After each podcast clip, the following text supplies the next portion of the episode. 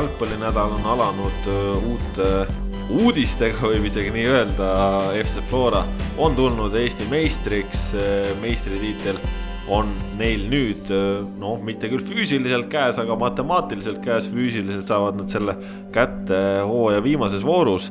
nii et palju õnne neile tiitli puhul ja ja kahtlemata tänane saade meil siin peamiselt premium-liigale keskendub, sekka natukene ka noh, koondist ja, ja üldisemat Eesti jalgpallijuttu. aga peamiselt premium-liigale keskendume ja minu nimi Kaspar Ellissaar, täna saates Rasmus Voolaid. Ja tervist. ja Ott Järvela ka. tere päevast. mehed me oleme siin äh, mitu nädalat olnud sellel lainel, et äh, kas ja millal nüüd see Flora lõpuks selle tiitli ikkagi ära kindlustab ja kui me nädalapäevad tagasi seda saadet äh, lindistasime, siis äh, olime pigem positiivsed selle osas, et Flora Paide vastu saab hakkama, aga me ei olnud nagu väga ülevoolavalt või ülekindlalt positiivsed, me olime natuke kõhklevad ja tegelikult nägime, et Floral ikkagi eile oli õnne ka Karl Mööl äh, mängu lõpus seal selle penalti tegi Erik Sorga vastu, ribis ta maha karistusalast kätega, punane kaart ja. ja siis Sorgalt kindel penalti, mis üks-null võidu neile tõi, Sorgale hooaja kahekümne üheksas värav. ja FC Florale siis läbi ajaloo kaheteistkümnes tiitel. Oli Flora õige meeskond, kes selle tiitli võitis? jaa, oli küll ja nagu ma siis äh, meenutan, et äh, kui ma õigesti mäletan, Sokkerneti hooajalises ennustuses olin mina vist ainukene, kes ütles, et Flora tuleb Eesti meistriks. täpsustame, kas ennustus sündis enne või pärast ühte üleminekut? see sündis minu meelest pärast. pigem pärast jah. ja siis pärast, pärast seda, kui Vassiljev oli läinud, siis ikka, ikkagi ma olin, mina ütlesin enne hooaega ka, et Flora on minu jaoks nagu soosik number üks ja, ja noh, selles mõttes ja, ja ma toona põhjendasin ennast niimoodi, et, et nagu usun protsessi rohkem kui komplekteerimisse. ja kui me nüüd võrdleme kolme tiitli peale mänginud meeskonda, sest noh, Paide mängis medali, mitte tiitli peale minu meelest, et see on nagu aus öelda, et Paide võitlus oli esikolmikusse jõudmine, ülejäänud kolme võitlus oli medali või eh, kulla võitmine. siis noh, komplekteerisid on ju ikkagi Kalju ja Levadia ja nemad läksid sellega alt, et, et Levadia läks alt eelkõige edurivi komplekteerimisega ning äh, Kalju läks alt võib vist öelda tegelikult noh, peatreeneriga. see oli noh, see, see on nagu selgelt näha, et kuidas ikkagi Sergei Frantsev oli ennast ammendanud, see oli selge, et sa ei saanud meistriks tulnud peatreenerit äh, vallandada või temast loobuda. Aga tegelikult see, kuidas meeskond keeldus seal ikkagi Frantseviga koostööd enam noh, ei, ei tahtnud koostööd teha. et, et noh, mine tea, et kui nagu see hooaja algus ei oleks niimoodi läinud, kas, aga noh, seal oli muid tegijaid veel, et Kaljul oli ilmselt ka see, et, et see Liliu noh, üleminekust, ülemineku ärajäämisest tingitud pettumus ja mis see kõik seal hooaja alguses neid vaevasid, esimene mäng kohe Paidele kaotati, sealt tekkis emotsionaalne langus. et ähm, aga ikkagi jah, et, et Levadia ja Kalju on meeskonnad, kes pigem komplekteerivad oma esindusvõistkonda, Flora on see, kes seda võistkonda kasvatab Äh, ja kasvatab muuhulgas ka on ju siis peatreenerit, et Jürgen Henn sai eelmine hooaeg, esimest hooaega peatreenerina töötada ja noh, millal ma temaga. Eesti tippliigas siis. just, nojah, jah, jah, e, kõrgliiga tasemel. et ma tegin temaga intervjuust augustis, kui ma õigesti mäletan. august jah, enne, enne koondist. siis ta ütles ka, et noh, et ikkagi et ta tunneb puhtalt seda, et ta on hakanud teisel hooajal, et ta noh, paneb otsustega rohkem täppi, selliste nõnda öelda kõhutunde otsustega. mis, mis on noh, selle treeneri jaoks noh, väga vajalik oskus on ju. et, et see protsess tõi nagu tulemuse ja noh, rääkides pühapäevasest mängust ka veel kaks sõna, siis. ei, Flora jaoks see mäng oli enam-vähem täpselt nii keeruline, nagu ma arvasin ähm,. oli Äh, näha, et neil ikkagi üleval seda teravuse loomisega oli raskusi. see Sorga moment oli tegelikult nende teine väga hea väravavõimelus mängus. esimene oli kolmeteistkümnes minut, kui äh, Miller ja Alliku mängisid väga kenasti Vassiljev ja Karissaare joonelt löögile. ja noh, läbi meeste summa lõi äh,, aga lõi täpselt Toomi peale, et Toom, Toom nagu püüdis, et noh aga, aga mingit noh, rohkem mingeid nagu väga häid võimalusi ma ise nagu ei registreerinud Floral, kuigi mänguline ülekaal oli nagu nende käes, eriti teisel poolajal mänguline ülekaal oli, aga samas ta oli ikkagi pigem. selline mõõdukas. selline natukene kinnisemat tüüpi, tüüpi jalgpall, et seal nagu kumbki ei tahtnud liigselt riskeerida ja kui Paide lõpus riskeeris, siis maksis ka kätte. ja, ja oligi, et nagu Paide noh, ausalt öelda mul on isegi natukene aru, arusaamatu, miks see Paide tolles nurgalöögis, no ilmselt okei okay,, tundus niivõrd magus võimalus, et oli mõtet minna riskima. aga, aga noh Viik oleks Paidele jätnud ikkagi medališansi alles, nüüd seda, nüüd seda enam sisuliselt ei ole. jah, samas äh, noh, ikkagi, mis siin natukene ka, ka lõpuks otsustas jällegi Vassiljevi meisterlikkus, me sellest mööda ei saa vaadata ja kuigi ka Pelle Pohlak ütles äh, Ott sinu tänases loos, et, et tema nagu nii palju antud ühele persoonile keskenduks, siis no tegelikult ta ikkagi väga-väga suur osa ja sellest tiitlist oli? jah, oli küll ja samas noh, see ei ole midagi nüüd äh, erakorralist, et äh, ühe või, või kahe värbamisega või noh, tegelikult ühe värbamisega äh, ühe meeskonna võimekust muudetakse olulisel määral. mujal maailmas me näeme täpselt samasuguseid asju äh,. kuidas äh, noh, ühe, ühe mängija toomine on vahe sellel, kas sa võidad või kaotad. vaatame eelmist hooaega Liverpooli, äh, võrdleme üle-eelmisega. Äh, väravasse toodi Alisson Becker ja noh, ma arvan, see oli väga oluline põhjus, miks nagu Liverpool tunamullu meistrite liiga finaali kaotas, aga mullu võitis. et sellised äh, noh selles, et Flora on niikuinii väga kvaliteetne meeskond ja, ja selles, et nad oleksid tiitlimängus olnud sees ka Martin Miller või Herol Riibergiga selle number kümne koha peal. nagu, nagu, nagu Pelle Pohlak ütles, jah, ilmselt oleksid küll, aga nende võimalused see tiitlimäng tollel juhul enda kasuks keerata oleksid olnud väiksemad, kui need olid Konstantin Vassiljeviga, kelle toodud meisterlikkus, kogemus ja kõik see muu, mis noh, mida, mida noh, näeb tegelikult ju igast Vassiljevi intervjuust, et äh, kuivõrd noh, et, et ta muidu ka on ju tark inimene, aga kuivõrd jalgpalliliselt tark inimene ta on, see tuleb sellele kooslusele, kus ta igapäevaselt toimetab, tohutult kasuks, see on privileeg. Rasmus, mis sinu jaoks sellest Flora hooajast võib-olla kõige suurem üllatus oli, mis sind nii-öelda uuenduslikult nii-öelda jalust rabas, mida sa enne hooaja algust võib-olla sellisel määral ei osanud oodata mm.? Ilmselt äh, Vladislav Greida nimi äh,. me enne, enne, enne ka arutasime juba nii-öelda tulevate hooaja kokkuvõtete tarbeks ja, ja no Vladislav Greida oli minu jaoks, minu jaoks oli nagu tuntud suurus juba jalgpallurina, et teadsin, et selline vahva tegelane on olemas Flora süsteemist peale tulemas, aga aga see võimalus, mille ta hooaja alguses sai, oli ma arvan, väga paljude jaoks, kaasa arvatud minu jaoks ikkagi see, et ta asendab, kuni tuleb Markus Poom ja Mihkel Ainsalu, kuni nad saavad terveks, et siis, siis Vladislav Greida tõenäoliselt peaks langema teiseks äh, viiuliks, aga, aga kuidas see mees on ennast mänginud äh, Floras täiesti kesksesse rolli ja kaasa arvatud Eesti koondises juba. kevadel oli see asi, et noh, et. kandmas rolli. vanemad kaaskodanikud mäletavad kunagist eh, hiilgavat reklaamlauset kuue kuuga trollijuhiks, siis noh, Vladislav Greida oli kolm, kevadel kolme kuuga koondisesse. märts, aprill, mai ja juuniks tuli kutse ja tuli täiesti asja eest, on ju.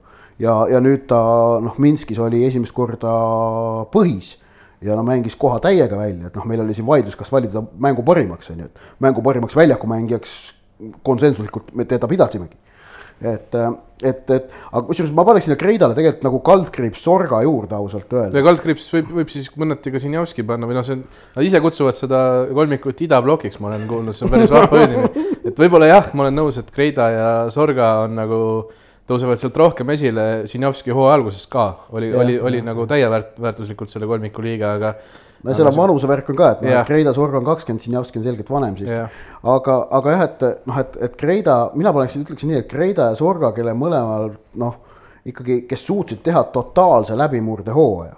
Eh, noh, Sorga niimoodi, et noh, see kakskümmend üheksa väravat, et noh, võib nagu öelda, et noh, mis Eesti liigas ära ei ole.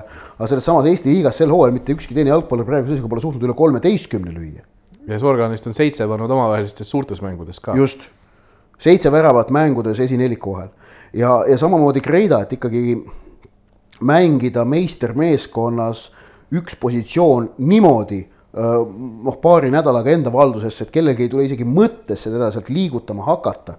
see on samuti väga muljetavaldav, et sääraste noorte kahe, noh, ma toon välja, noh, tõstan nemad kaks esile, et nende kahe esiletõus oli kindlasti üllatav, et noh, nende, nende pealt seda, noh, seda ei oodanud ausalt öelda. et kui me Florat hooaja eel nagu arutasime, siis ikkagi oli küsimus, et kes siis need väravad ära lööb, et okei okay,, Kostja toodi, aga kes seal ees väravaid lööb, kas lööb, kas, kas nüüd Liivak lööb ära või?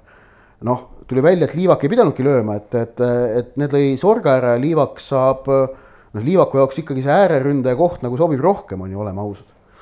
ja, ja noh ja Kreidast võib rääkida, aga noh, muidugi Flora puhul neid õnnestujaid oli, oli tegelikult väljaku igas liinis no sellega ongi võib-olla paslik vaadata natuke sinnapoole ka, mis seal täitsa tagalas toimus, sest hooaja eel üks suuremaid küsimusi oli tegelikult ka Flora väravaht.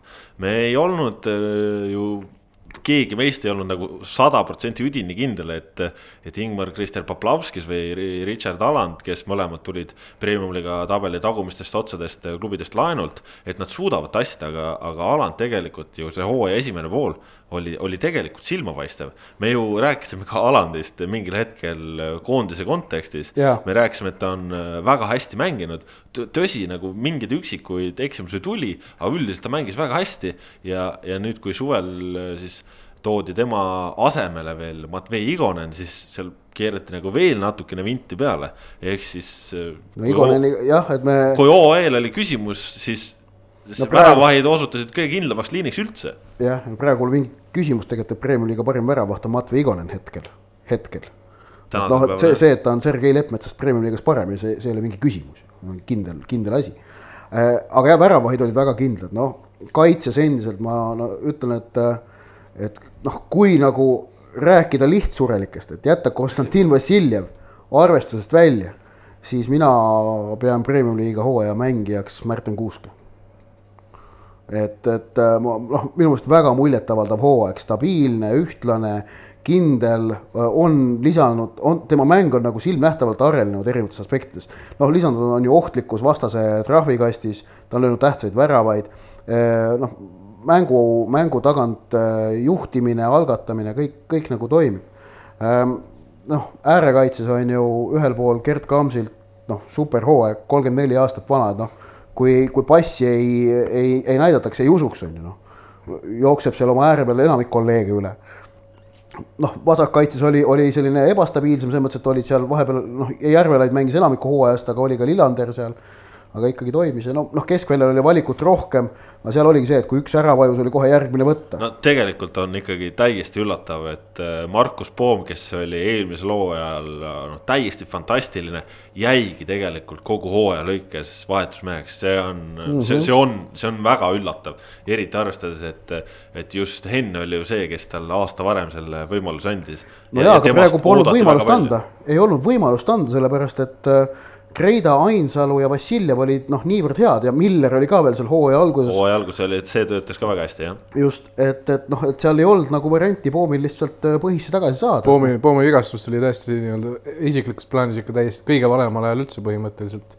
ja nüüd on väga oluline talv temal ees, temal isiklikus plaanis, et see on see talv, kus ta peab ennast tagasi rotatsiooni sisse mängima no tõenäoliselt jah, Flora ütleme, et, et on teada, et järgmine aasta on, on võib-olla isegi veelgi olulisem meistriks tulla Flora jaoks, aga ja üldse, et järgmine aasta see kaal on võib-olla suurem, aga noh, seda siis seoses muutuvate eurosarjadega ja, ja sealt tulevate solidaarsusmaksetega. aga noh, kahtlemata, et, et mingid kosmeetilised muudatused Flora ikkagi ju talvel teeb ja ja kahtlemata keskväljalt tõenäoliselt no üks persoon ikkagi ära läheb ja selle arvelt. ja me ei räägi praegu Konstantin Vassiljevist, et olgu öeldud, et noh, et praegu seisuga noh, kuigi Kostja ütles pärast eilset mängu, et, et noh, ei tea, mis edasi saab. siis noh, nii palju, kui me teame, et noh, et noh, noh, tähendab ilmselgelt Flora on huvitatud, et ta jätkaks. ja, ja nad on üpris lootusrikkad, et ta ikkagi jääb, et noh, et. väidetavalt me..., väidetavalt Poolast nagu mingi Just. huvi ikkagi tema vastu on. aga noh, siin on, siin on nüüd noh muid faktoreid ka lihtsalt. just, aga noh, ma arvan, et suures plaanis niimoodi selle Flora hooaja kokku võib võtta ja, ja kahtlemata kiita ka, ka seda treeneri personali, et, et. ma ütlesin, et igas liinis, see tähendab ka väljaku kõrval. just, et see, see osa töötas ka nendel väga hästi ja, ja Jürgen Henn tõesti väga selline küpsustumine nii-öelda, sai, sai küpseks. ja, ja noh, siin tuleb kiita ka ikkagi organisatsiooni selles mõttes, et kõik see teenindus, mis on tagatud mängijatele, treeneritele, noh, siis nõnda öelda kontoritöö poolt. et äh, noh, ütleme nii, et see on selgelt, see on, see on teada, et see on parem kui Levadias või Kaljus. ja kui see see aasta tõi kulla, siis järelikult ja on toonud viie aasta jooksul kolm kulda ähm,. olukorras, kus Levadia pole viie aasta jooksul midagi saanud äh, ja Kalju on saanud ühe äh,, siis noh, järelikult on ka selle kvali-, see on ka tõestus kvaliteedist. ka tolles sektsioonis, ehk siis selles noh, nii-öelda kontoritöös. ja noh, samamoodi kontoris, väljaku kõrval, kõikides liinides, noh, nii, nii need tiit-, nii neid tiitleid võidetakse. aga samamoodi oli noh, säärane muljetavaldav aeg oli ka eelmisel kümnendi teises pooles, kui Levadia võitis neli meistritiitlit järjest, kaks tuhat kuus kuni kaks tuhat üheksa et, et ma ja ma ütleksin, et toona tegelikult Levadia oli rivaalidest ikkagi selgelt rohkem eest ära, kui praegu on Flora. noh, toona oli ikka koosseis ise kui selline oli lihtsalt äh, noh, hirmkõva, hirmkõva koosseis oli neil. vot, aga lähemegi siit äh, siis Flora juttude juurest edasi medalijuttude juurde, sest äh, see on võib-olla üks asi, mis siin veel natukene pinget pakub, aga samas nädalavahetusega seda pinget jäi ka vähemaks, sest äh, kuna Paide kaotas Florale ja Levadia oma mängu võitis, siis äh, tabeliseis on selline, et Levadia teisel kohal seitsekümmend seitse punkti, Nõmme Kalju kolmandal kohal seitsekümmend kuus punkti. Need kaks meeskonda kohtuvad siis omavahel ees oleval nädalavahetusel ja Paide linnameeskond seitsekümmend üks punkti, nii et nende jaoks äh, medaliga tundub olema hapusti Rasmus, kes tuleb teiseks, kes jääb kolmandaks? ma arvan, et tuleb teiseks Kalju. ja seda siis äh, kas omavaheliste mängude pealt äkki? paljuski omavaheliste mängude pealt jah, see on meie, ilmselt peakski olema nüüd saate järgmine nii-öelda rubriik vist, et kuidas Kalju võidab Levadiat kogu aeg. no seal on see, et viimased mängud on, on noh, et esmalt olgu, ütleme ära selle, Paide saab tulla medalile ainult siis, kui Kalju kaotab oma kaks viimast mängu ehk võõrsil Levadiaga ja kodus Tammekaga ja Paide võidab oma viimased kaks mängu, mis on kodu, ei, võõrsil Tammekaga ja kodus Levadiaga. et noh, see on väga ebatõenäoline stsenaarium, oleme ausad aga, aga hõbedavõitluses on siis seis see, et noh, et, et jah, et Kalju on ju kuuest omavahelisest mängust Levadiaga sel hooajal viis tükki võitnud ja mänginud ühe null-null viigi. pärast seda kolmapäevast karikamängu, mille nad võitsid ähm, siin, siin Lillekülas. ja noh, selle, noh selle foonilt on nüüd see omavaheline kolmekümne viienda vooru mäng muidugi huvitav, et aga seal on üks nüanss, mis võib nüüd Kalju kasuks, kahjuks toimida, et neil on see noh, pinge on sisuliselt maas. et see esikolmiku koht on sisuliselt ära võetud ja, ja noh, nüüd, nüüd äh, noh, kui nad nüüd ka suudavad Levadia samamoodi noh, äh, üle mängida või vähemalt mitte Levadiale kaotada, siis see oleks muidugi noh, siis see oleks ikkagi totaalne grand slam peaaegu noh. noh, ei, ei saa öelda, grand slam on see, kui sa võidad liigas kõik neli mängu seda nad ei tee, sest üks mäng oli null-null, okei okay., aga, aga see oleks no, selline. Nad kaotasid viimati Kaljule eelmise aasta kevadel ja, ja. liigas kaotasid viimati aastal kaks tuhat seitseteist. jah, jah, jah, et see on, see on, see on, see on ebaloogiline, sest no laias laastus ka tabelis ei viitab, et tegemist on võrdsete meeskondadega, mida nad ka on. aga see, kuidas nagu ühele võistkonnale üks asi sobib totaalselt ja teisele mitte, see on kummaline. jällegi tuleb meelde see, kuidas siin Floral oli mingi hetk, kui nad ka meistriteks tulid, neil oli totaalne Levadia foobia et nad ei, ei saanud Levadiast ikkagi pikki aastaid jagu. Arno Paipers tõi selle muudatuse alles ju, enne Arnot äh, olidki nad noh, pigem said ikkagi omavahelised mängud tappa ja Tallinna tervid kuulusid pigem Levadiale, nüüd siis ütleme. Jürgen Henn ja, ja Aleksandr Roogid, et siis läksid need kaalukausid ka natuke teistpidi. nüüd, nüüd kuuluvad nad pigem Florale jah ja., kolmest, neljast kolm Florale. no Kalju ja Levadia vahel ma ütleks, et äh, seal võime ka ühe nime välja mainida, aga Aleksandr Rogic ei tema ei suutnud üldse ju mängida Kalju vastu või noh no,. ega Flora vastu ka, tal ja, olidki, mängud suur... suurtega olid tema jaoks ikkagi suur probleem. just mõlemad, aga kui praegu on ees äh, Kalju, siis äh, ja oli selja taga oli ka äsja Kalju, siis, äh, siis tema läks kuidagi nagu väga üheülbaliselt, alati läks enda mängu mängima Kalju vastu, aga Kalju järjekord, iga, iga kord nagu minu arust nagu vaatas just vastavalt Levadiale enda nagu Aa, sõjaplaani vastu. tulge, tulge, poisid ja ootame. Põhimõtteliselt jah ja Levadia läks kogu aeg samamoodi. jah, ei ju, lähme, lähme kutsuvad ju. jah aga, aga samas äh, Levadial ikkagi ka nüüd äh, noh, väike positiivne noot siin tuli, kuigi tõesti nädala keskel karikas mindi ju Kalju vastu juhtima, saadi kaotus. siis äh, nädalavahetusel tuli nüüd suurem kui üheväravaline võit lõpuks Vladimir Vassiljevi käe all, küll Maardu vastu. ja, ja tundus, et seal võib ka nugadele minna, aga siiski noh, äkki see natukene pingeid maha tõmbas, sest ka ju Levadia nüüd teab, et, et nendel on esikolmiku koht on kindel, see on sada protsenti. samas nad lasid isegi Maardul endale värava. ja see, see, see, see oleks natuke imelik, kui see nii-öelda julgustav, julgustav mäng oli see nende jaoks, aga noh. no saame näha, igatahes Kalju. hooaja, ma lisan veel, et hooaja väga otsustavaks mänguks nüüd tagantjärele vaadates sellel kohtadel teine kuni neljas kipub äh, tõusma, võib-olla äkki isegi kõige otsustavamaks mänguks, kipub tõusma see Kalju ja Paide viimane omavaheline Paides mille Kalju võitis üks-null. vist oli üks-null jah. üks-null, aga see oli see, kus Robert Kirss sai punase kaardi, Paide omas tegelikult noh, peaaegu et totaalselt mängulist ülekaalu. aga noh, ikkagi selget mängulist ülekaalu, aga ei saanud ega saanud palli väravasse. Ehm, ja, ja noh, see mäng tegelikult määras väga palju, poleks see mäng lõppenud Kalju võiduga oleks see kogu oktoober ka meil siin hoopis teistsugusena välja, välja lahti rullunud, pinged oleks olnud teistsugused ja võimalik ikka ka tulemus teistsugune. noh, ja siis noh, see, et, et Levadia üheksakesi Kuressaare käest ikkagi viigist pääses, see neid aitas ka väga palju jah, Nõmme Kaljul oli ka huvitav nädalavahetus, mis läks ka natukene pikemaks, aga noh, kes siis ikka ei tahaks nädala lõppu veeta kuskil saare peal ja eriti hea, kui ei pea ju pühapäeval pealinna tagasi ka tulema, et kui saab jääda veel pikemaks tegema neid asju, mis sulle meeldivad, ehk siis mängima jalgpalli.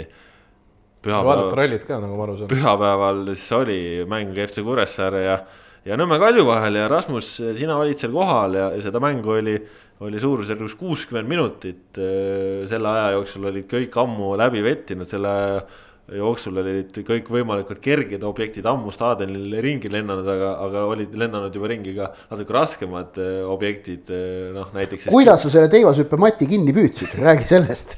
kätega rahulikult nagu. mõistlik. nagu ma ikka alati teivashüppe matti kinni püüan.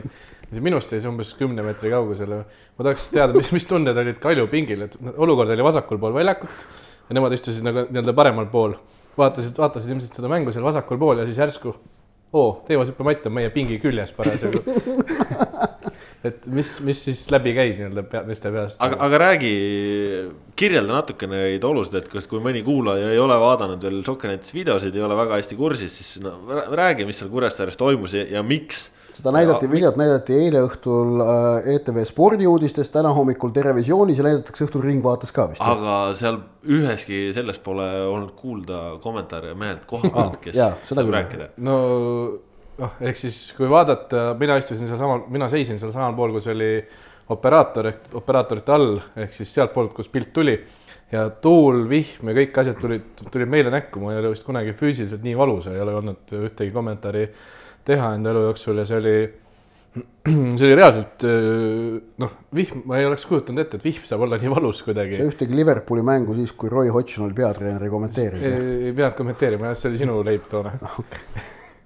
ja, ja siis mingil hetkel tuli mulle see laud, mille küljes oli kommentaatori pult, mis on tavaliselt suhteliselt raske ja nii-öelda raske asi, mille eest eraldi ise ei pea hoolt kandma, aga ma pidin hakkama seda kinni hoidma, sest vastasel juhul oleks see mulle sülle lennanud siis mingisugune see kate, mis vist ülevalt poolt äh, vihma ja kõike seda oleks pidanud. jah, oleks pidanud äh, turvama, siis see hakkas mulle vastu pead käima ja millegipärast oli see ka juba, jube valus. Ja noh, et kuigi ma oleks pidanud olema kuivas, siis ma olin läbimärjas no vist võib öelda, et, et kui see tuule kiirus oli seal üle kolmekümne meetri sekundis, siis see vist noh, suurusjärk sada kaheksa kilomeetrit tunnis või midagi taolist, ehk siis üle saja kilomeetri tunnis. see on, see on kriminaalne kiirus, kui me maantee peal sõidame. aga minu, minu kõrval veel paremal käel tegi Robert Kirss ja teised Kalju mehed, aga peamiselt Robert Kirssoo ja põhimõtteliselt kogu esimese poole. tegid sooja või? noh, jah, niivõrd-kuivõrd. peamiselt kogu esimese poole oli Kirss seal ja teisel poolel ka, kuni ta niisugune viiekümne seitsmendal mängu vahetati, siis kehakeelega aeg-ajalt nagu suhtlesime omavahel, et kõik on väga-väga halvasti on igal pool ja siis, kui ma nägin, et see mees peab minema sisse siis mul oli nagu tõesti hakkas temast kahju, ma nägin tema nägu, kui ta võttis endale joped peast, pealt ära, et noh, mänguvormi väel väljakule minna, siis ma mõtlesin enda peale, et mina ei oleks tahtnud sel hetkel jopet pealt ära võtta ja pole vist kunagi näinud ühtegi inimest nii kurvana kes võtab endale jopet parasjagu seljast ära. no õnneks tema ei pidanud kaua mängima, kolm minutit ja siis see mäng katkestati. no sa vaatasid, kui ta, kui ta jooksis väljaku peal ringi, sulle tundus, et ta liigub edasi ka. ei liikunud põhimõtteliselt. sellega, sellega seoses meenub, äh, meenub üks mäng, kus oli ka Kuressaare väga tuuline Kuressaare Tammeka. see oli Veelmaa, Veelmaa väravamäng jah? ja Veelmaa väravamäng ja seal äh, Sander Kapper ütles Äh, pärast mängu siis, et, et seda mängu jäi, jäid, jälgis vigastuse tõttu tribüüni pealt Kevin Aaloja. ja Kevin Aaloja ütles äh, poolajal siis riietusruumis meestele, kes arvasid, et nad jätsid endast kõik väljakule ja pingutasid rämedalt. ja siis Kevin Aaloja ütles siis Sander Kapperi sõnade vahendusel, et mehed, nagu jooksete aegluubis, et mis te teete seal väljakul, et tuul oli lihtsalt nii tugev, et mehed ei liikunud edasi kõige tipuks, kui nii-öelda esimene dialoog oli kohtuniku ja treenerite vahel, nad otsustasid veel edasi mängida, eks ju. ja kui see Märten Opi praeguseks ilmselt juba legendaarseks saanud senderdus ära anti, siis kurat küll. kui keegi ei ole seda näinud, siis äh, Märten Opp tsenderdas vastase karistusalasse. pall maandus enda väljaku poolel kuskil karistusala lähedal audis. no maandus varem, aga veeres põhimõtteliselt noh, oleks ta nagu tulnud veits teise suunaga, oleks läinud nurgalöögid ka, sest äh, koht, see väravat ei oleks jõudnud sinna ilmselt, sest pall tuli nii kiirelt ka veel. täiesti absurdne, absurdne kohtumine ja noh, ainuõige oli see sel hetkel ikkagi kinni pidada, tegelikult tõenäoliselt oleks võinud ikkagi natuke varem juba. täna mängiti edasi siis jah? täna, täna Kalju võitis kolm-null. nii et äh, midagi kurioosset ka ja, ja noh, nagu sa ütlesid, oli, oli ainuõige otsus nii-öelda, et äh, ja. seal oli ikkagi ohtlik seal. nagu me pärast järele targaks oleme saanud, siis edasi oli, oli vist asjade järjekord kronoloogiline niimoodi, et mindi sisse, kohtunik ütles, et täna siis kõik, aga Kalju surus edasi, tahtis endiselt edasi minna ja sel hetkel Kalju vastane Kuressaare ei soovinud neile enam vastuteenet teha, Kuressaare poolt oli ka tänaseks kõik ja siis kuna ei leitud ise sobivat aega, millal mänguga jätkata, siis kella viieks õhtul lubas liit selle otsuse teha ja liit tegi otsuse, et täna kell üks samal ajal samas kohas pandi edasi ja seda sai ka Sokkernetist vaadata, sain ka mina vaadata õnneks täna juba Tallinnast kuigi ma ütlen, tunnistan ausalt, et mängu jälgimine koha peal on ikkagi hoopis teine tera ja täna mul oli mängijate tuvastamisega oluliselt suuremaid probleeme, kui mul tavaliselt väljaku kõrval on. ja näiteks Robert Kirss ja Vladislav Homutov oli üheks nagu seal ees, noh, kuna nad liikusid suhteliselt samas kohas, siis siit ülevalt kaamerast vaadates olid päris samasugused tegelased ja vabandan, kui ma noh, mõnikord segamini ajan, aga Homutov oli ühe veel, temal oli kaks ja, ja kolmanda oli Deniss Tšapkin ja et sellega sai see mäng otsustatud ja noh, vist tuleb ka öelda, et kuigi see mäng nii-öelda edasi lükkus, siis klubidele nii-öelda lisakulutusi ei tulnud, et kõik kulud, mis tekkisid, need jalgpalliliit vastavalt siis reglemendile, juhendile oli kinni maksnud ja. ja ei olnud ka suuri kadusid, ehk siis need mehed, kes olid algkoosseisus või olid koosseisus, samade satsidega mindi edasi, ehk siis ühtegi sunnitud vahetust nii-öelda tegema ei pidanud kumbki meeskond. ja see oli põhiline murekoht, ma saan aru, mõlemal poolel, et eriti Kaljul, kuna nad tegid ühe vahetuse juba ära ka ju, et no see Kirsi vahetus põhimõtteliselt läks luhta tegelikult eile. kuna Kirss jäi väljakule alla kaks-kolm minutit ja kui seda mängu oleks siis katkestatud, siis kindlasti Kirssi poleks täna samal hetkel väljakule toodud. aga kõik mehed olid terved ja mängisid täpselt needsamad mehed, mängisid edasi jah, et see oli tore, et nagu natuke oli hirm küll, et siin nii mõnigi mees oleks võinud ju haigeks jääda sellistes tingimustes. no ja, ja lisaks haigeks jäämisele, Kuressaare mehed on ju, on ju ka amatöörid ja peavad tööl käima, aga. esiteks tööl ja teiseks Tallinnas tööl, tööl enamus mehed. aga said, said ka nemad jah. aga no siin lihtsalt, et need kõik mingid vandenõuteoreetikute sellisteks noh, et need ka ikka välja vihastada, nagu ma iga saade proovin, et siis et selles, et meil saja kaheksakümnest mängust siin üks pooleli jääb ekstreemsete ilmastikutingimuste tõttu, et äh, meie laiuskraadil on see nagu täiesti normaalne, selles ei ole mitte midagi erakorralist, vaid noh, sellised asjad lihtsalt juhtuvad, juhtuvad igal pool maailma jalgpallis ja nendega tegeletakse ja tegeleti ka meil, et kõik on nagu okei okay selles mõttes. ei, tegelikult jah. ilmselt oleks võinud selle mängu lihtsalt hoopis varem katkestada või, või isegi sootuks eile ära jätta, et see on nagu asi, mida nagu noh noh, tõsi on see, et Eestis nagu see, see nivoo, et mäng ära jätta, et see nivoo on nagu väga-väga kõrgel, et sellest nagu alaliit proovib iga hinna eest alati hoiduda. no ma usun, see oleks see, sellised tingimused olnud suvalisel Premier League'i või Hispaania kõrgliiga mängul, seda mängu poleks toimunud algusest peale juba. nojah, jah, jah, jah aga jah, nagu ma eile. seal on juba puhtalt ka see, et, et äh, seal ei toimunud mängud põhjustel, et seal mängudel on mitukümmend tuhat pealtvaatajat. Yeah.. ja säärase hulga puhul säärased ilmastikutingimused muutuvad äh, publikule ohtlikuks, et noh, mõnesajale pealtvaatajale need tingimused ohtu ei kujuta, et noh, et see noh, nendel on äh, oluliselt hõlpsam selle kõigega hakkama saada, kui tekib mass, siis massi teenindamine turva, turvalisuse mõttes säärastes tingimustes on hoopis keerulisem aga ja nagu ma eile ka kommentaaris juba välja ütlesin, siis see oli kuidagi nagu selles suhtes äh, tavapärasest oluliselt sõbralikum jalgpallimäng, et äh, kuna mulle tundus, et kõik osapooled tundsid ennast selle mängu jooksul nagu kannataja rollis põhimõtteliselt, et kannatasid ja võitlesid ühtselt nagu ilmastiku vastu, ka pealtvaatajad, mõlemad meeskonnad väljaku peal, teenindav personal, kõik operaatorid, turvamehed, korraldajad, et see oli nagu, et noh, et kannatame ära, oleme sellest üle kuidagi, aga lihtsalt mingil hetkel oli, mingist hetkest alates oli vastuvõetamatu juba jah, ja, ja, tegelikult äh, koosseisudega põgusalt siis ju kõige suuremad ja ainsad muudatused toimusid kohtunike brigaadis, sest äh, kohtunikudki meil ju ei ole professionaalid, vaid, vaid nemadki teevad neid asju töö kõrvalt ja. ja täna siis kaks muudatust äh, kohtunike brigaadis rivistuses oli. vot nii palju siis tormituulte jutust sai see ka mäng täna siis ära mängitud läheme siit edasi, võib-olla siis sellise viimase olulise noh, ma ei tea, siis teemani või siin ütleme, et Eesti Premium-liigas, mis siia kahte viimasesse vooru veel on jäänud ja, ja see mõistagi on väljalangemine. sest kui meil nüüd praeguseks noh, eurokohad on sisuliselt jaotatud, sest noh, pole ju vahet Levadia või Nõmme Kalju jaoks, et kas nad on teised või kolmandad, sest noh, Euroopasse saab mõlemaga siis äh, tabeli lõpus on ikkagi asjad lahti. Ja noh, mitte küll võib-olla enam nii väga Maardu jaoks, kes on praegu Tallinna Kalevist nelja punkti kaugusel, aga, aga Kalev edestab, edestab siis jah, Maardut neljaga, aga jääb ise Kuressaarest maha kahe punktiga ja, ja see on vast see, see duell veel, mis, mis läheb siin täitsa hooaja lõpuni välja, sest äh, Kuressaare graafik on raske ja Kalevil on viimases voorus ikkagi see Viljandi tulevik. Äh, näed sa varianti, Rasmus, et, et siin muutub veel midagi, et Kalev tõuseb üheksanda koha pealt? Ja see on äh,, kuidas nüüd õige oleks vist protsentuaalselt, ma arvan, et ma arvan, et seda pigem ei, ei juhtu, aga see on ikkagi suhteliselt arvestatav tõenäosus, kuskil kolmkümmend, nelikümmend protsenti, ma arvan, et äh, Kalev suudab, äh, suudab tõusta, sest on väga tõenäoline, et Kuressaare ei saa enam punkte.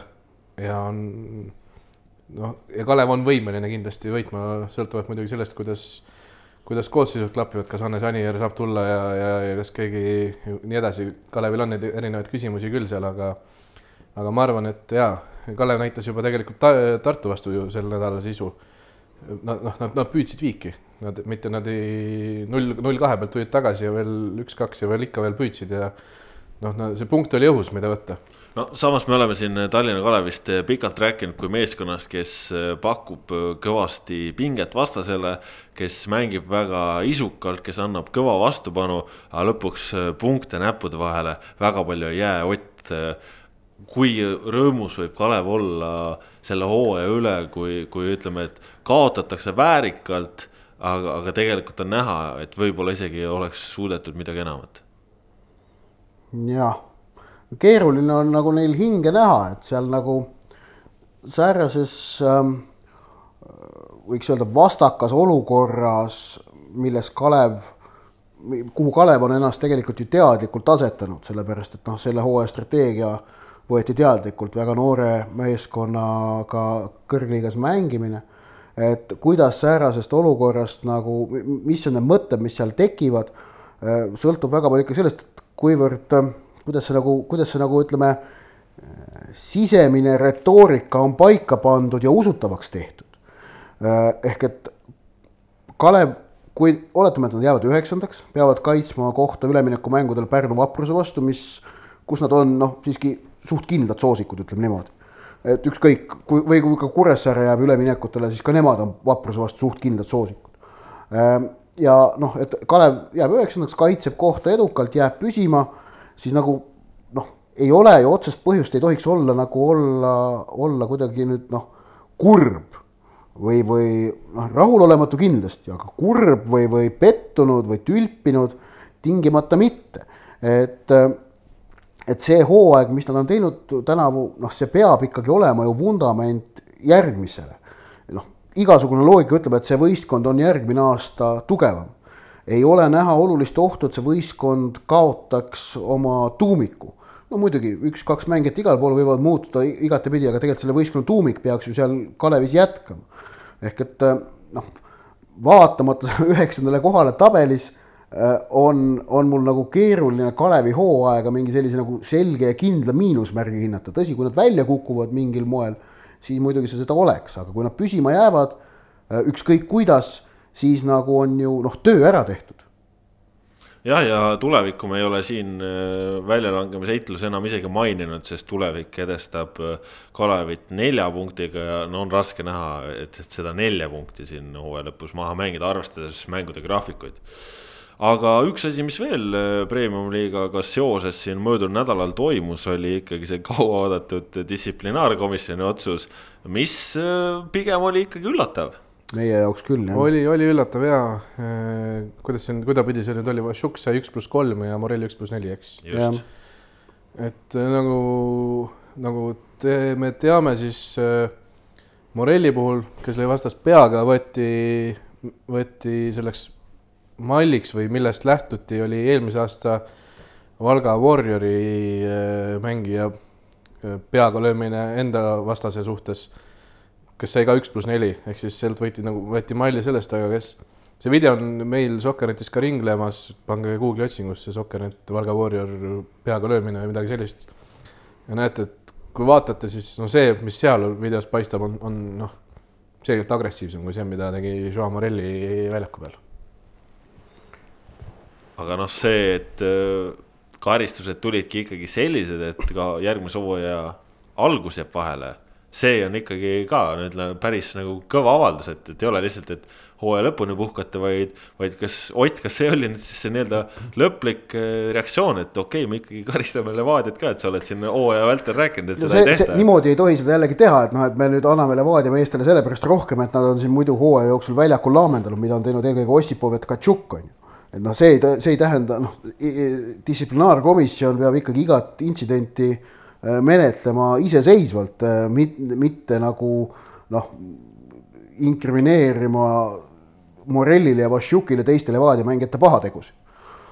et äh, aga, aga minu jaoks ka need otsused olid nagu üllatavad, noh, ma eelmine nädal ütlesin ka, et noh, et ma üks pluss üks või üks pluss kaks olid nagu sellised loogilised otsused, aga tuli hoopis üks pluss kolm ja üks pluss neli on ju. no eks, eks ilmselt see oli ka noh, ühelt poolt jah, et okei okay,, võeti mingi varasem pretsedent, noh, minu jaoks see nagu ebaloogika tuleb sellest, et kohtuniku tõukamisest liipin see üks pluss kolm. Ja kohtuniku tõukamine peaks olema nagu noh, karmim kuritegu kui see, mida tegi Morelli, kes no ei saa öelda, et ta oleks ikkagi noh, vastast ju niimoodi peaga näkku löönud et kui ta, kui sa lööd vastast peaga näkku, siis teisel on ikka supp lahti ja, ja knock-out on ju. aga noh, ta pigem ta nagu kõksas näkku, ütleme niimoodi, ma, ma arvan, et see oli vist õige, õige tegusõna siinkohal ja siis veel äigas. mitte ei virutanud, vaid äigas, ma noh, siin ta igal tegusõnal on teatud omad nüansid, on ju. et ta kõksas ja äigas äh, ja, ja noh, ütleme, et kui ta oleks saanud ka selle üks pluss kolme, mis sama, mis Liipin, see oleks nagu olnud loogiline, aga et see on nagu karmim kui kohtuniku äh, füüsiline noh, ründamine see on minu jaoks nagu selline noh, tekitab küsimusi, okei okay. Äh, aga, aga suures plaanis on ilmselt muidugi see, et, et, et noh, need olid siiski selgelt mõlemad, kuidas öelda, noh, arusaamatud vägivaldsuse juhtumid et kui oligi see Alger Jumadilli juhtum, äh, mis, mis oli ka sellel aastal Premium-liigas siis ainukene varasem vägivaldne punane kaart, see oli selge põhjusega, sest Teko astus talle jala peale, ta lõi vastu. no see on see, et noh, inimlik reaktsioon nõnda öelda, niivõrd-kuivõrd on ju noh Äh, äh, ja aga siin olid need siiski ütleme noh, ei olnud sellist asja. et alaliit tahtis saata välja või distsiplinaarkomisjon tahtis välja saada selge signaali, et sellised asjad ei ole lubatavad ja kahtlemata noh, see signaal jõud, jõuab nüüd väga jõuliselt kohale, et no nüüd on, nüüd on nivoos paigas, et kui järgmine hooaeg või üldse nüüd edaspidi juhtub, et keegi midagi säärast teeb, mida tegid Murelli ja Vassiuk, siis on teada, et noh, et kuuajaline puhkus ootab. kuuajaline puhkus äh, tavalisel meistrivõistluste hooaja keskel.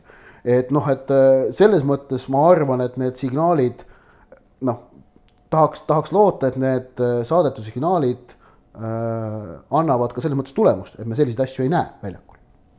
Läheme siit premium-liiga juttude pealt siiski üks märkus ja ma tahtsin vahe lihtsalt selle Oti viimase remargi kohta, et loodetavasti selliseid asju rohkem ei näe ei no kindlasti näeb. ei, muidugi näeb, ma lihtsalt tahtsin öelda, et tegelikult võibki öelda, et kuivõrd me teame, et see oli, kokku on kolm vägivaldset juhtumit olnud nii-öelda, kes, mis on ära protokollitud, siis on juba suht, tegelikult suhteliselt edukas hooaeg ju selles plaanis. no siin on olnud ju mõned on, jalaga löömised, mida ei mida ole, ole fikseeritud. jah, see on, see on muidugi ka lisa, lisa, et on olnud küll, me teame, et on olnud vägivaldseid juhtumeid veel, aga kui on protokollitud kolm, siis selles plaanis kolm on ju väike number.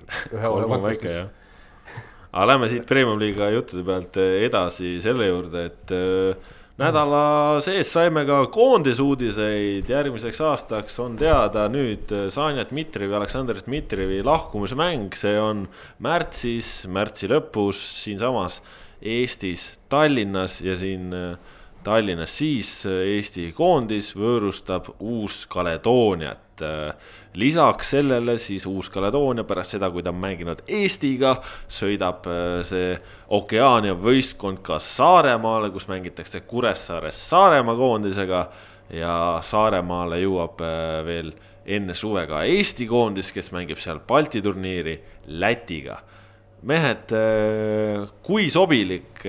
kuidas sina hiidlasena sellesse suhtud, Kaspar?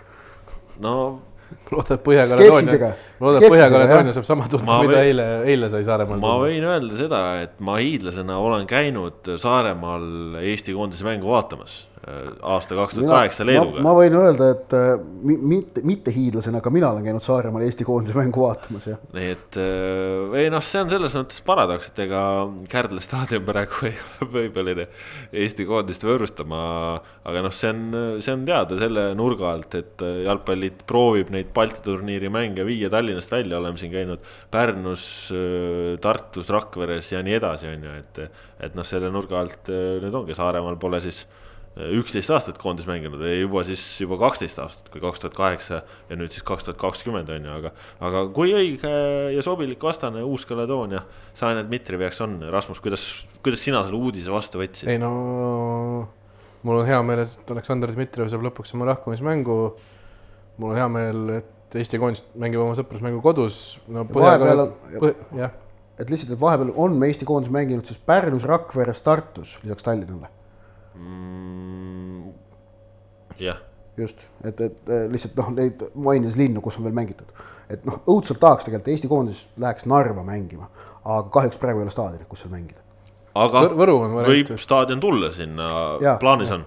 ja, ei noh, noh, Narva oleks, oleme ausad, see oleks tähtis äh, mitte ainult jalgpallilistel põhjustel, vaid nagu ka muudel põhjustel Võru ja, ja, ja Otepääl on veel variandid vist, kus mängida saaks. jah, noortekoondiste asemel on mängitud ka, nii et. Tehvandil saab kindlasti mängida. ja Võrus mängiti, Balti turniir mängiti Võrus, aga mitte Eesti koondise osalusel. ma käisin vare... Leedu ja Soome mängu Võrus vaatamas. ja varem on ka Valgas mängitud. aga ka mitte Eesti osalusel. No, aga Põhja-Kaledoonia juurde tulles, nemad ei ole vist kuskil veel mänginud, isegi Võrus mitte. no ei ole muidugi seksikas vastane, seda tuleb tunnistada, aga ma arvan, et see ei ole isegi nii oluline tegelikult äh, Aleksandr Dmitrijevi nii-öelda jaoks, et noh, mida kõvem, seda parem muidugi, aga.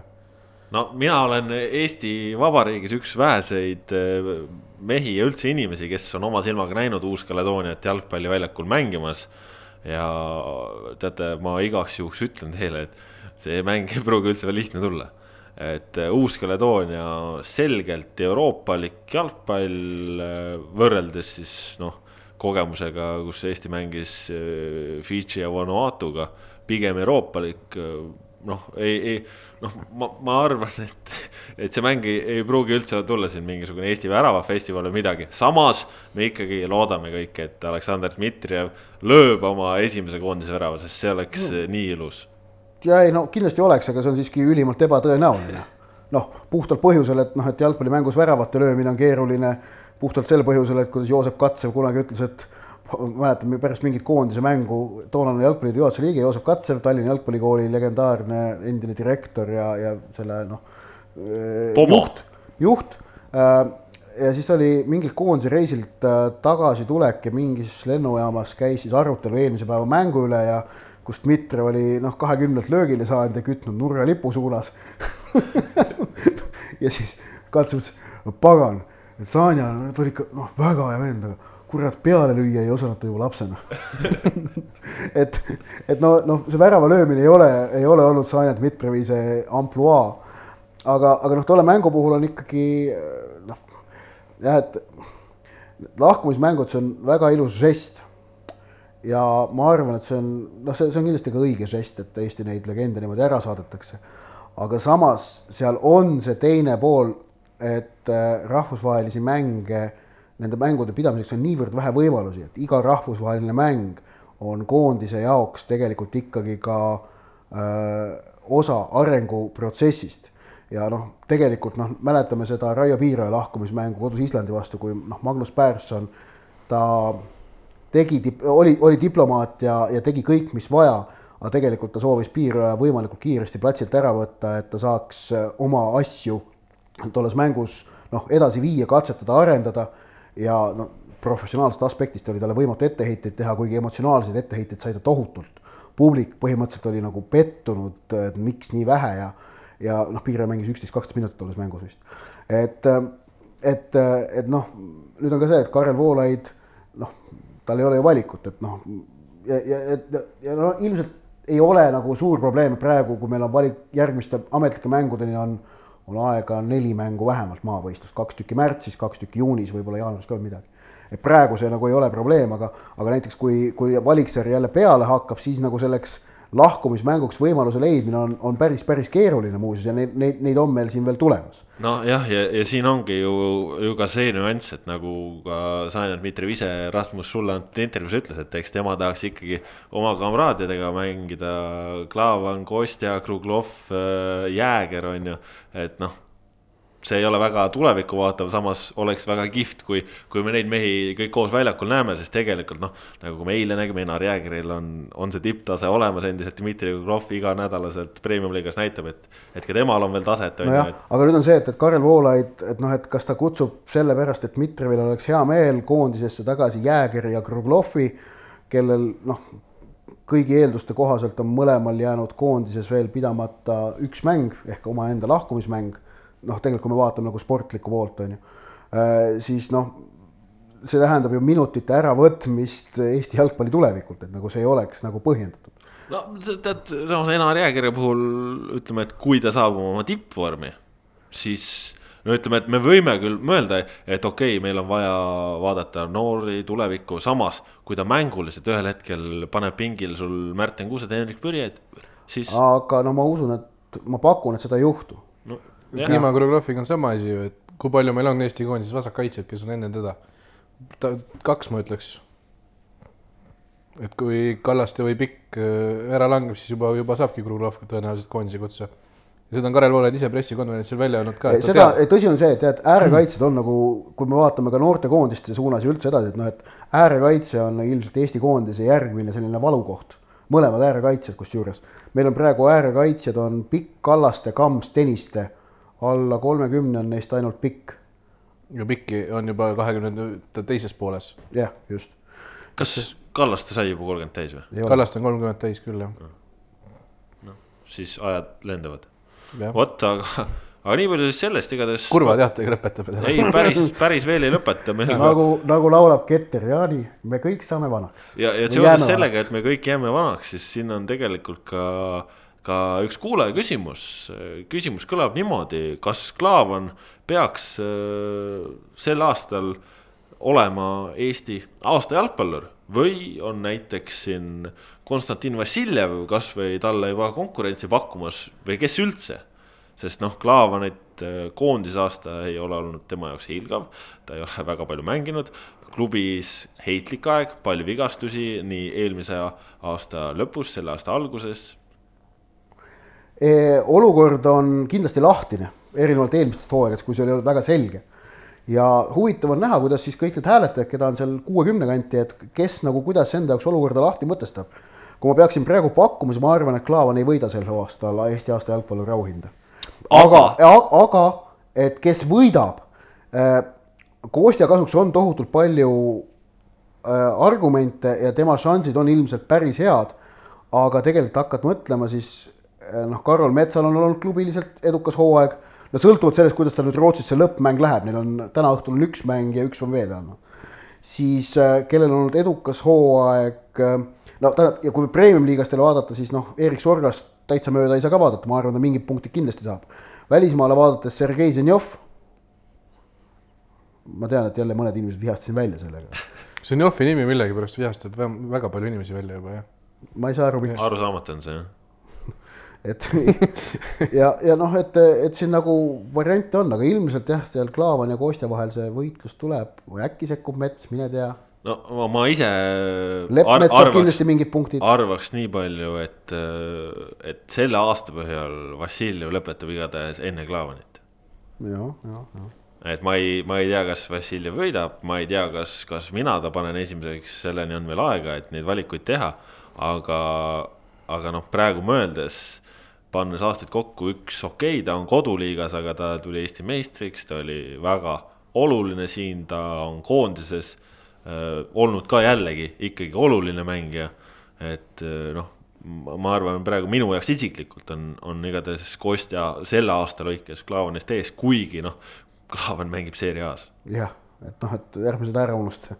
mis on uskumatu ja tore. jah, muidugi mina aset-, ma olen ka seda meelt, et ma arvan, et Klaavan ei võida. sellele ma, ma, ma pakun, et Klaavan ei võida, sest tõesti, et kui üldse ta mängud sel aastal kokku lööda, ma arvan, neid on. Neid ei ole üldse nii vähe muuseas, ta kevadel ikka 20. mängis Serie A-s ikkagi vahepeal jällegi mängis ja siis ei mänginud et, et. Martin, ma ei Martin... igatahes on, on ka üpris tõenäoline, et võib-olla siis see aasta läheb sedasi et äh, parimaks valitud mees võtab äh, Estonia äh, kontserdisaalis selle auhinnaga vastu, sest. see vist on esimest korda, kui sel juhul oleks, minu arust pole, pole mitte kunagi keegi, kes võitu pole vastu võtnud koha peal. jah, sest üldiselt vahepeal, kui Kostja ise võitis ka mingi korra, siis ta oli ise ka välismaal kuskil, ta ei saanud. no jaa, aga ei, ei saa välistada ka ala, ütleme, et et kui näiteks, et Sorga võidab, Sorga juba on kuskil testimisel juba uues klubis või midagi sellist. et, et ka need Flora mehed või kes. viisteist detsember on vist see hooaja lõpu aasta. just jah, igatahes Karol Metsa ma siis jah, ma vaatasin ka selle tema kalendri üle, et tal on neli, neli meeskonda jagavad Rootsis tiitli, nemad, nemad on üks neljast. täna õhtul mängitakse Malmoga ja viimases voorus mängitakse kellegiga, kes meistriks nad vist ei tule ikkagi, sest Djurgården on kolmega ees ja keeruline on neist nagu mööda saada. Djurgårdeniga omavaheline mäng ju. ei ole. aa ei, Malmoga oli omavaheline. täna on Malmoga, täna, kui võidavad, saavad kuuekümne kahe peale, kus on ka Djurgården. aga siis neil on üks mäng varuks omakorda noh, selge, saame näha, kuidas need asjad lähevad, igatahes sellised olid selle nädala. mängib ka täna. selle nädala jalgpallijutud, minu nimi on Kaspar Elissaar, saates olid veel Rasmus Voolaid, Ott Järvela, aitäh, et kuulasite meid, kuulake meid jälle. uued jalgpallijutud uuel nädalal, adjöö. tšau